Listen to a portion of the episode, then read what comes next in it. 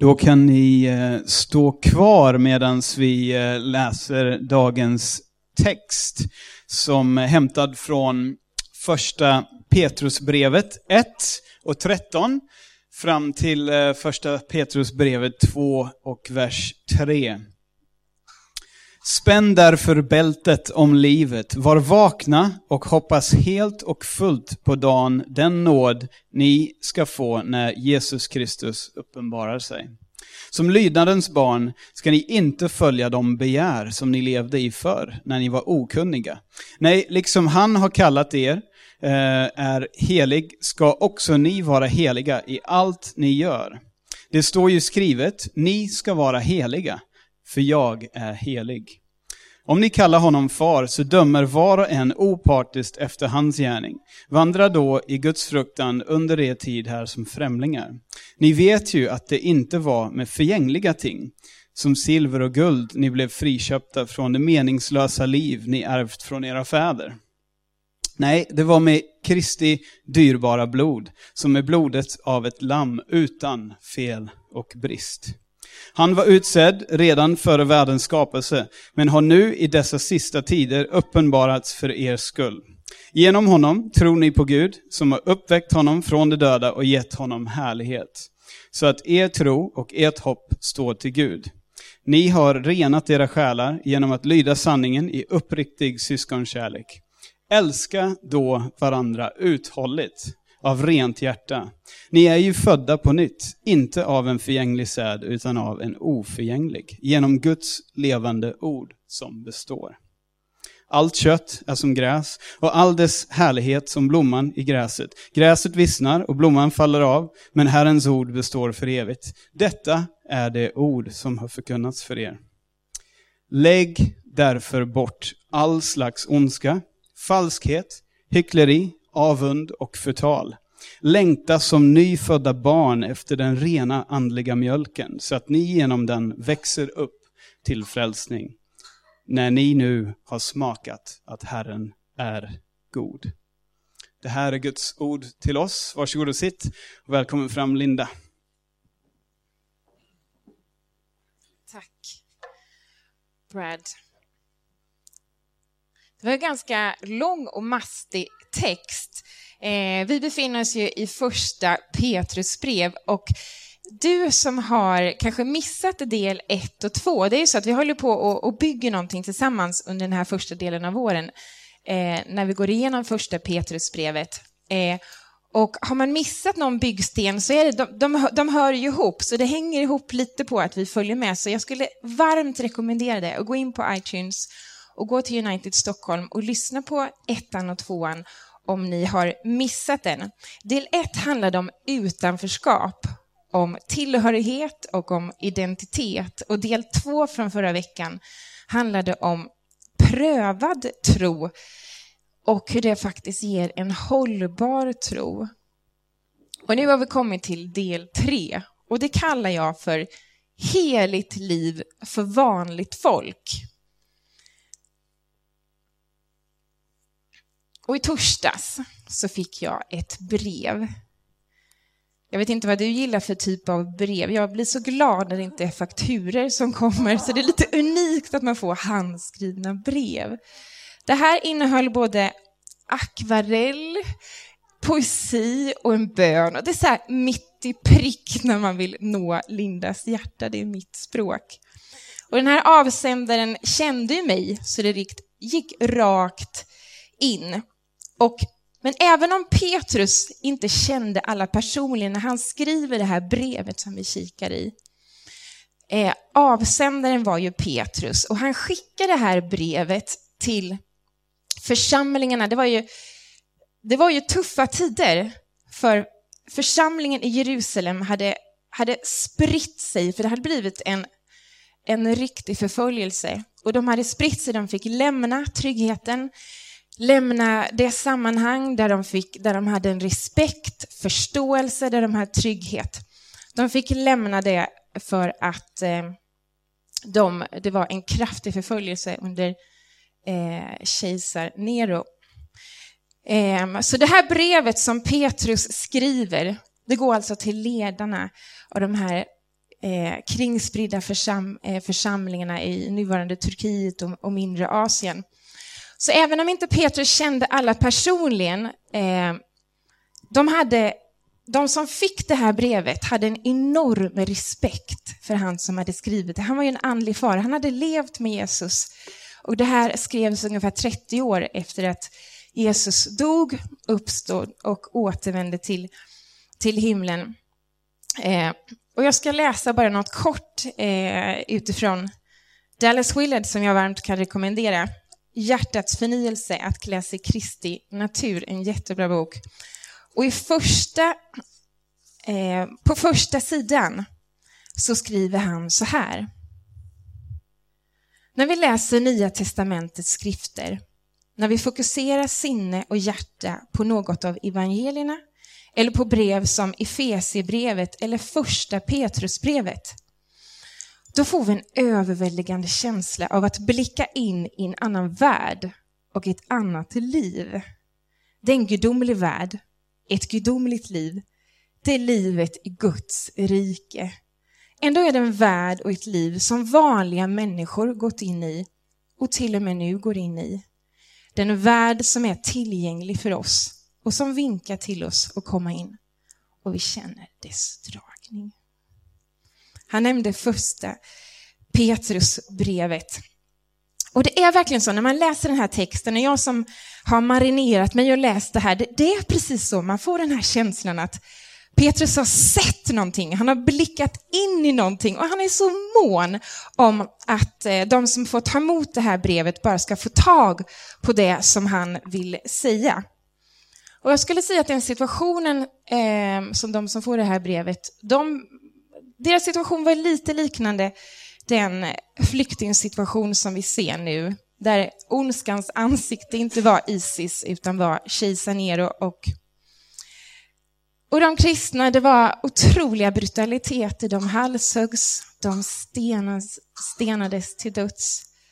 De, eh, det var vidriga avrättsmetoder. Eh, så det är klart att det var tuffa tider när de får ta emot det här brevet. Och det är därför som är så spännande. Vad skriver man i ett brev till människor som går igenom sådana här saker? Vad skriver man? Vad fokuserar man? Vad är det Petrus lägger? Vad, vad lägger han i de här, det här viktiga brevet för att nå dem? Mm. Och det här brevet, första Petrusbrevet, det är klart det är inte skrivet till oss. Det var skrivet till de församlingarna eh, i det här området. Till de här kringspridda främlingarna, som Petrus uttrycker det. Men samtidigt så är det ju för oss, för det finns i Bibeln. Och därför vill jag veta, vad kan vi hämta ur det här brevet idag? För även om inte vi går igenom de tiderna som, eh, som de kristna levde i, så lever ändå du och jag i tuffa tider, ibland, inte sant? Vi lever i Sverige, som är klassat som världens mest sekulariserade land idag, 2016. Det är en verklighet för oss idag.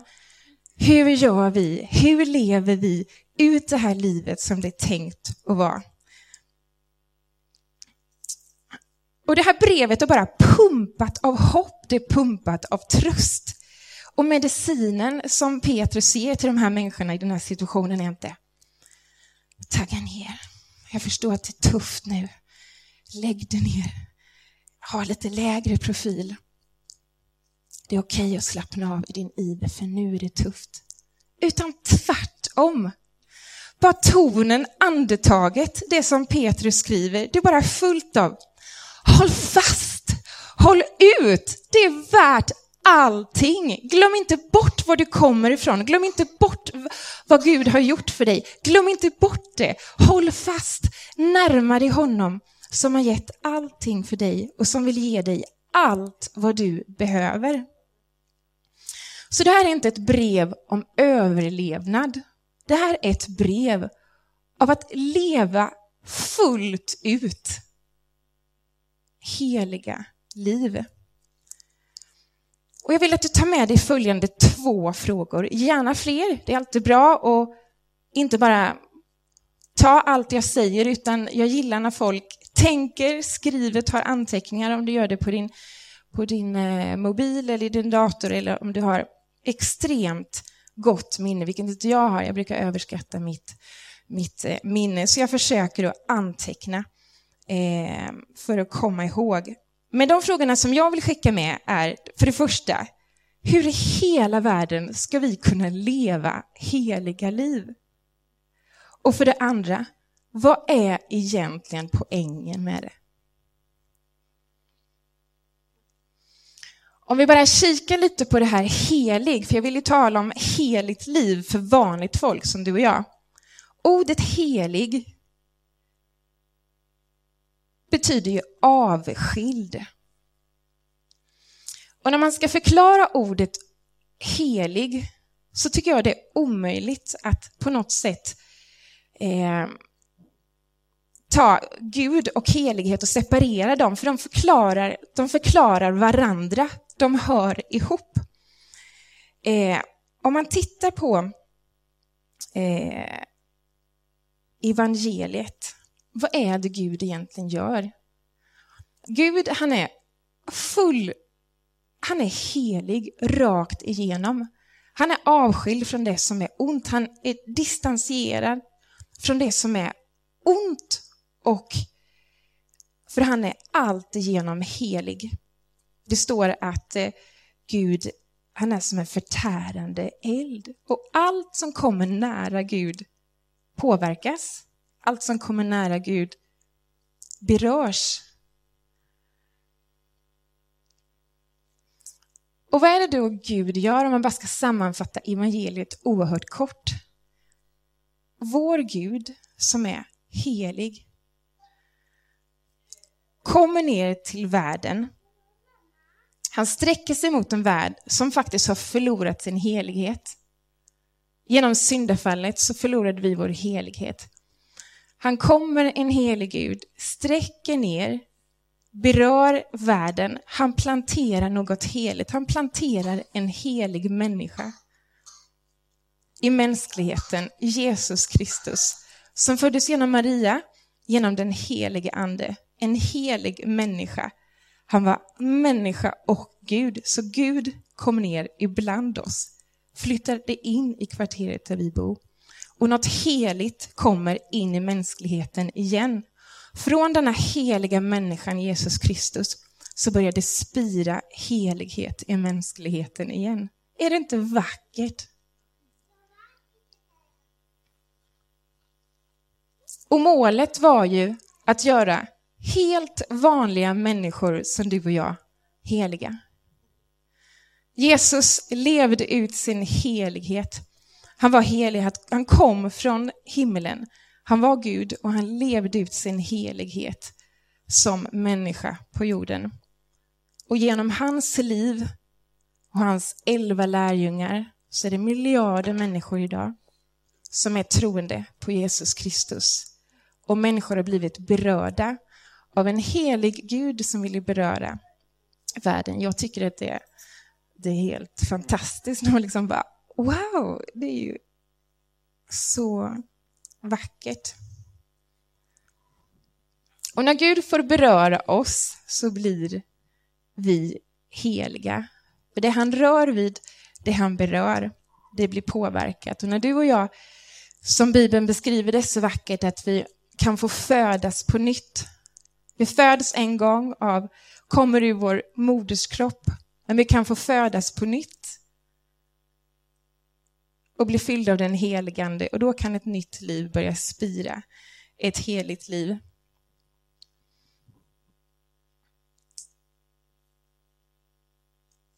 Och som heliga människor har vi också en helig, en funktion. Och Erik Holke, som eh, han var präst i Saronkyrkan i Göteborg, han uttryckte det så här när han pratade om heliga människor, helt vanliga människor som du och jag.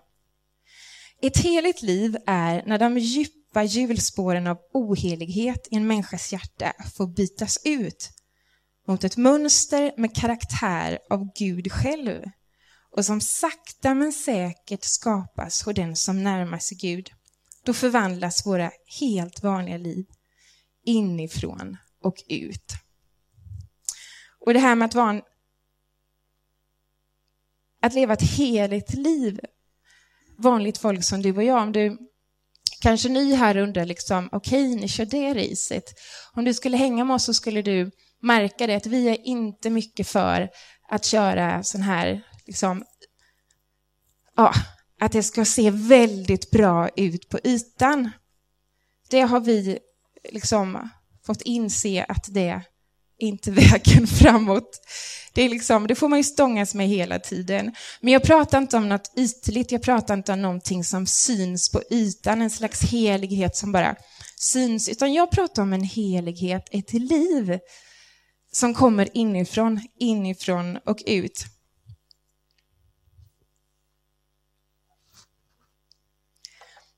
Jag skulle vilja ge tre viktiga anledningar att leva heliga liv. Alltså vad är poängen med att leva ett heligt liv? För det första, så du och jag som är troende, Gud vill att vi ska leva heliga liv för våra medmänniskors skull. Vi kikar i vers 9. Och Petrus säger, men ni är ju ett heligt folk för att ni ska förkunna hans härliga gärningar. Det är en tanke med att vi ska rub off. Det är en tanke med att vi ska fortsätta beröra. Till Abraham sa Gud så här. Jag ska vara med dig. Alltså han ger ett löfte. Jag kommer vara med dig.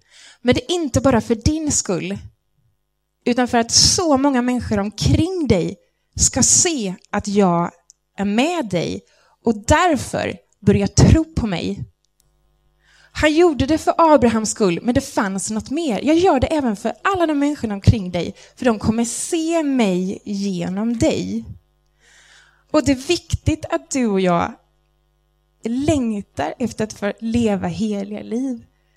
För där kommer vi beröra vår omgivning.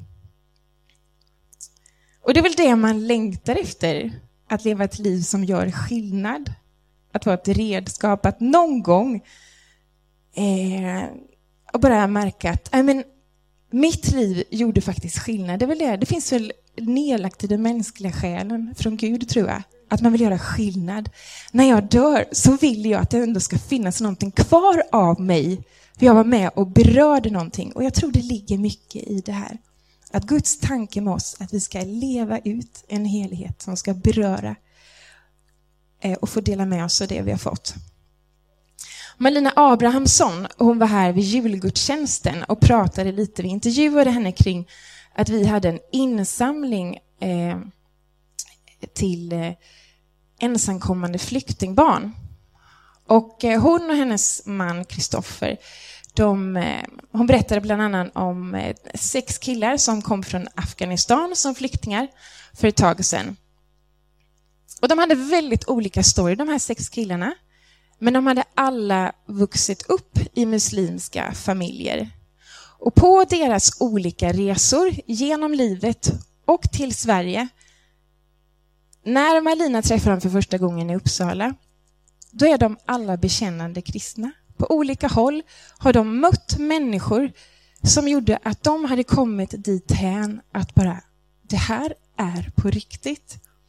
Och hon berättade om en kille till exempel, han hade i ett sammanhang behövt eh, söka eh, sjukvård och där han mött en sjuksköterska som var kristen. Och han kunde inte för sitt liv fatta hur hon bara kunde, alltså hur hon kunde agera som hon gjorde gentemot honom, hur hon kunde behandla honom med den kärlek som han, som han mötte. Han var så förvånad.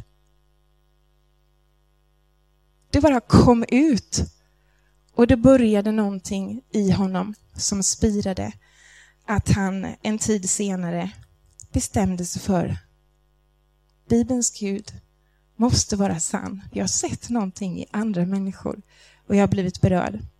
D.L. Moody har sagt ett heligt liv gör det starkaste avtrycket. Det är som en fyr på sjön.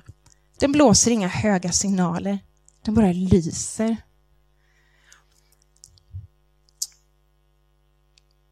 en annan vis man har sagt så här. Kristi enkla metod för att vinna hela världen är att göra varje människa han vidrör tillräckligt magnetisk med kärlek för att attrahera andra. Och det finns något provokativt profetiskt i att göra gott. Vi är så invanda i den här oheligheten som finns i samhället så när jag vid ett tillfälle, men säg att du skulle lämna din cykel olåst och sen blir den stulen. Vad skulle, säga, vad skulle folk säga då? Förmodligen, nej men, men du får ju skylla dig själv. Har du inte, har du inte, har du inte fixat ett bra lås för du vill skylla dig själv? Vi är så vana vid att, liksom, att eh, det är så det är. Patrik Lorentzon, jag kan inte undgå att nämna honom. Han berättade för några dagar sedan, och jag kommer säkert inte återcitera den här historien helt korrekt, men något i stil med att för några dagar sedan så satt han hemma med Kristina och deras lilla nyfödde son. Så skulle han ner i deras lägenhetshus och lämna soporna. Han tog hissen ner till soprummet.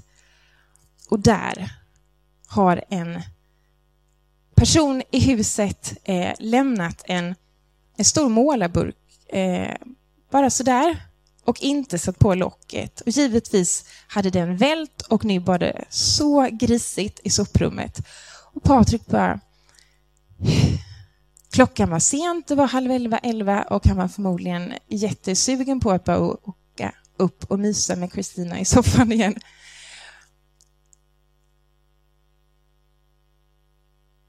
några sekunder gick väl, men han bestämde sig för, äh, men jag, eh, jag sopar upp det här. Så Patrik där sent på kvällen, han tar upp den här färgen, han gör det rent och så skriver han en lapp. Inte helt, inte fulla svordomar, utan skriver att här har jag varit och fixat till. Här i det här huset håller vi ordning, vi hjälper varandra. Jag hoppas du gör det här för mig nästa gång. Någonting i stil med det. Och eh, dagen därpå så springer han på en kille i trapphuset. Det var den här grisen som hade lämnat den här målarfärgen. Och där började ett samtal. Och eh, ni som känner Patrik, ja, han blev inbjuden på en riktigt god indisk eh, mat med hela familjen hem till honom och där började en relation uppstå. Och jag är säker på att den här killen, han blev berörd av den här godheten.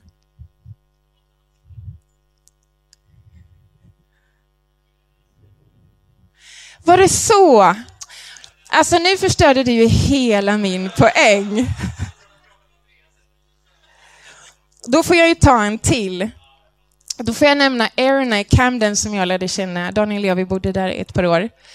Erna har var en tjej som hon eh, började bli nyfiken på Gud och hon gick till, eh, eh hon började komma på gudstjänster så hände någonting i hennes liv och hon bara, jag vill ta det här vidare. Jag vill bara göra någonting. Hon älskade färg, hon älskade blommor och hon bodde i Camden. Och ni som har turistat i London vet hur Camden ser ut. Så är det tusentals turister som bara väller till den tunnelbanan eh, varje dag. Speciellt på lördagar när de har marknader i Camden Town.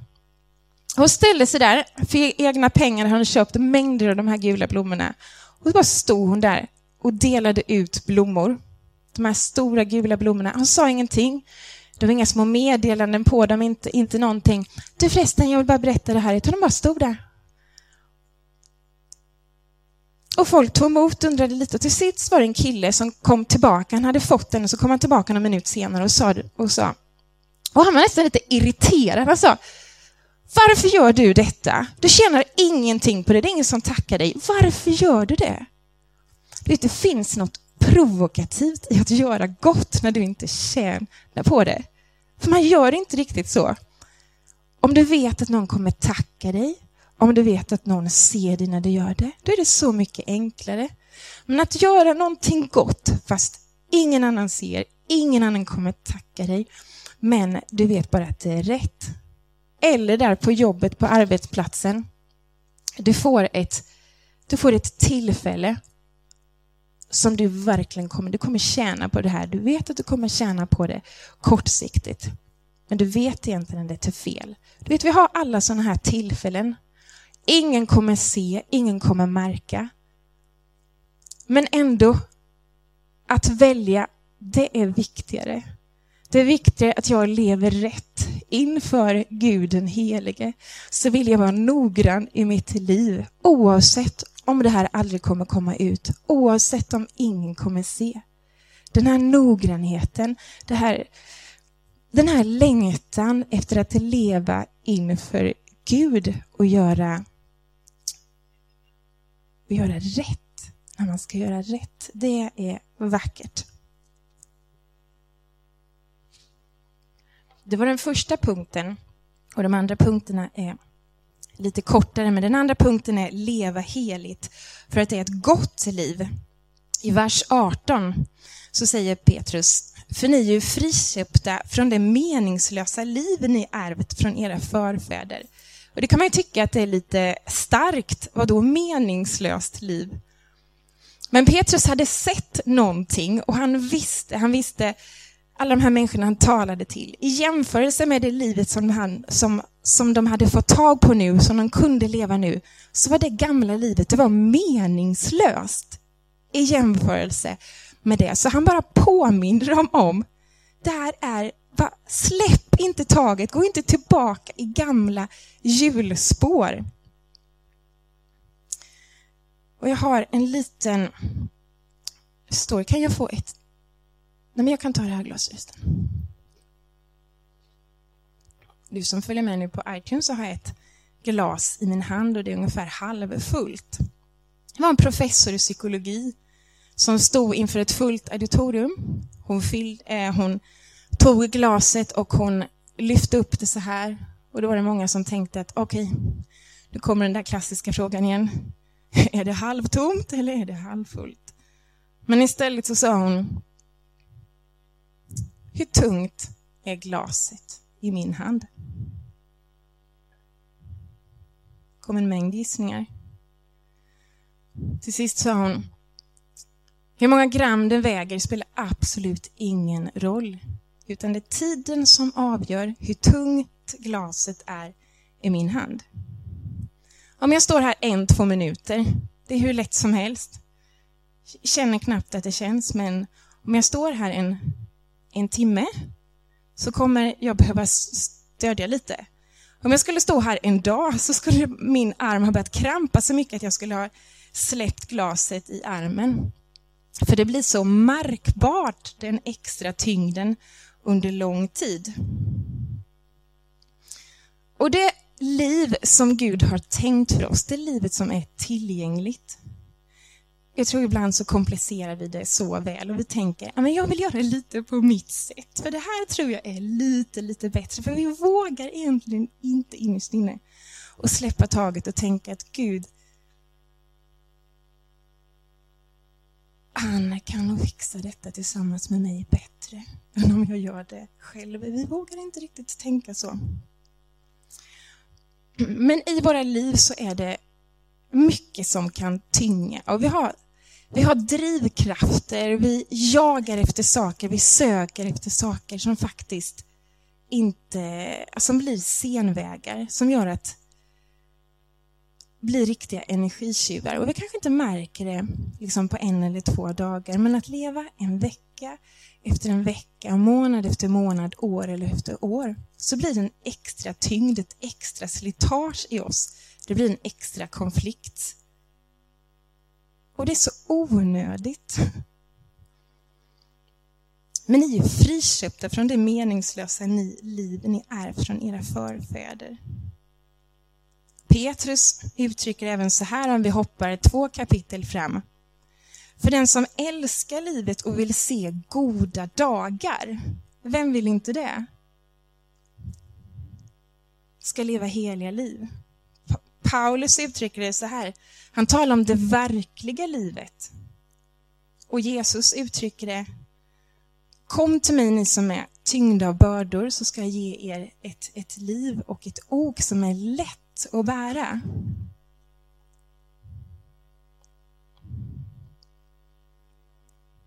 För när vi lever ett heligt liv så kan vi få också kraften att leva ut den genom Guds ande. Leva heligt, för att det är ett gott liv. Det gör oss gott. Den sista punkten, leva heligt, för vi är på genomresa emot evigheten. Trettonde versen. Sätt ert hopp helt och fullt till den nåd som ska komma er till del när Jesus Kristus uppenbaras. Och det här är väl så svårt, för vi lever ju i nuet. Och ändå så vet jag att det kommer komma något annat. Och så fort jag släpper det fokuset. Alltså visst är det lätt, antingen är man bara här 100% eller bara där 100% men på något sätt är vi kallade, vi är förankrade här, vi lever här, vi ger allt och ändå så har vi ett sikte på evigheten. Den kristnes nu behöver alltid speglas mot evigheten och löftet. Och vi går in för landning och jag vill visa ett kort, kort klipp. Och det här är 50 år gammalt, så det är lite krispigt. Det är från 1968. Men jag vill att du lyssnar på iven. Jag vill att du lyssnar på övertygelsen i det som sägs. En människa som en dag efter det här talet faktiskt sköts till döds.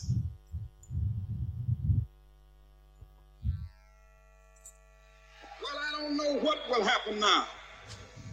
We've got some difficult days ahead. But it really doesn't matter with me now because I've been to the mountaintop. I don't mind. Like anybody, I would like to live a long life. Longevity has its place. But I'm not concerned about that now. I just want to do God's will. And He's allowed me to go up to the mountain. And I've looked over and I've seen the promised land. I may not get there with you, but I want you to know tonight that we as a people will get to the promised land.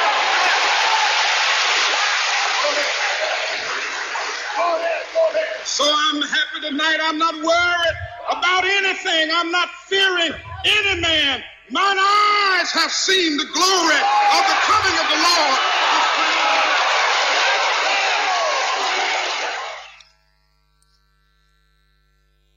När jag såg det här första gången så kom mina tårar, som Daniel berättade innan.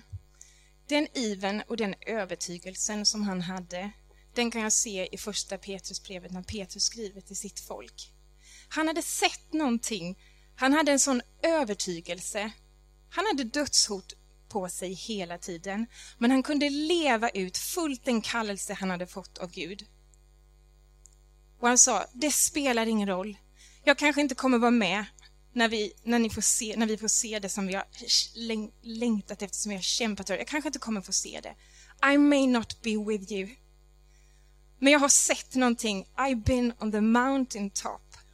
Petrus hade varit högt där uppe på berget. Han hade sett vad som väntade honom. Han hade sett eh, om det här livet. Han visste vad som var möjligt. Han visste om evigheten som väntade honom. Och jag bara älskar det här och bara bli påmind om vad som väntar oss. Jag älskar om att bli påmind om det fokus som gör mig gott. Jag älskar att bara om och om igen bara få marineras och komma ihåg, ja men just det. Herre, förenkla mitt liv. Hjälp mig att skala bort det som faktiskt tar så mycket plats att inte jag har plats för dig. Den sista versen i det här eh, stycket som vi har tittat på idag slutar så här. Så längta efter mer som ett nyfött barn efter mjölk ni som har smakat på att Gud är god. Och vi är väl, jag vet inte vad du har tänkt eller känt när du har hört, eh, hört den här förkunnelsen i, i, idag. Någon kanske känner kramp och eh, helighet. Liksom. Okej. Då vill jag påminna om vad Andreas sen här i församlingen sa när han blev intervjuad för några veckor sedan. Han sa, jag har börjat längta efter att längta. Och då har man ju kommit en bit. Jag har börjat längta efter att längta. Nästa vecka på askonsdagen så går vi in i en 40 dagars fasta. En 40 dagar som är präglade av ett heligt fokus av bön och fasta. När vi får tillfälle att avskilja oss. När vi får till, tillfälle att förenkla våra liv. Att skala bort saker för att ge plats åt någonting annat. Du som kanske har trädgård eller har vuxit upp med en trädgård vet hur man behöver ta bort ogräs, man behöver göra rent för att sätta i nya frön så de kan börja spira under våren, så man kan skörda senare. Och jag ser den här fastan som ett sånt tillfälle för mig individuellt. Och det häftiga är att runt om i världen så är det kyrkor världen över som kommer gå in i den här fastan nästa vecka. Det är inte bara något som har vi kommit på att vilken bra grej, det här är verkligen någonting som kommer ge oss någonting utan vi gör det här tillsammans med kyrkor världen över som går in i en 40 dagars fasta. Eh, en tid av bön och den fastan kan ju se väldigt olika ut. Du kanske lägger bort eh, ja, saker som du vet att du kan skala ner på för att göra plats för något annat. Det kanske gäller tv-tittande, kanske gäller sociala medier, kanske gäller eh, tiden du sportar eller socialt eh, som du umgås med folk och kanske bara hur du men det ser jag som en möjlighet de här 40 dagarna. Vad vill jag göra? Vad kan jag göra? Vad kan jag hur kan jag förenkla mitt liv? Ta bort under de här dagarna. Och vad kan jag lägga till? Vad vill jag lägga till? Och vi ska gå in nu i, i nattvarden, men jag vill bara avsluta med att be en bön. Tack himmelske Fader, du som har skapat himmel och jord. Att du är och förblir helig. I dig finns inget mörker, det finns ingen ondska, det finns inget ont, utan du är alltigenom ljus, alltigenom god. Och du valde att komma och beröra oss, fast vi var en, en fallen skapelse, Herre så valde du att komma och beröra oss på nytt. Du planterade Jesus Kristus. Helighet ibland oss, så det fick spira och idag så sitter vi här 2016, människor som har blivit berörda av det du har gjort, att du sträckte ut din hand igen. Herre, jag ber för alla oss som, som vill längta mer, men inte är där vi vill vara idag. Herre, berör oss. Tack för din nåd. Tack för din heligande som du har gett oss. Att vi tillsammans kan få närma oss dig. Jag ber för de här 40 dagarna som ligger framför och eh, jag ber att saker och ting ska ske under de här dagarna, Herre, när vi kan avskilja oss för dig. Jag ber för alla som inte orkar längta, som bara känner kramp, Herre. Tack att du kan göra allt nytt. Och för den som kanske hör det här för första gången och har en massa frågor, en massa funderingar. Tack att du är på riktigt, att du är, du är verksam och du är här för att möta oss. Och nu när vi går in i nattvarden, Herre, så Herre, så finns du här tillgänglig för oss, för att beröra oss, för att möta oss, för att återigen sträcka ut din heliga hand för att beröra oss. Tack att vi får ta emot av din helighet.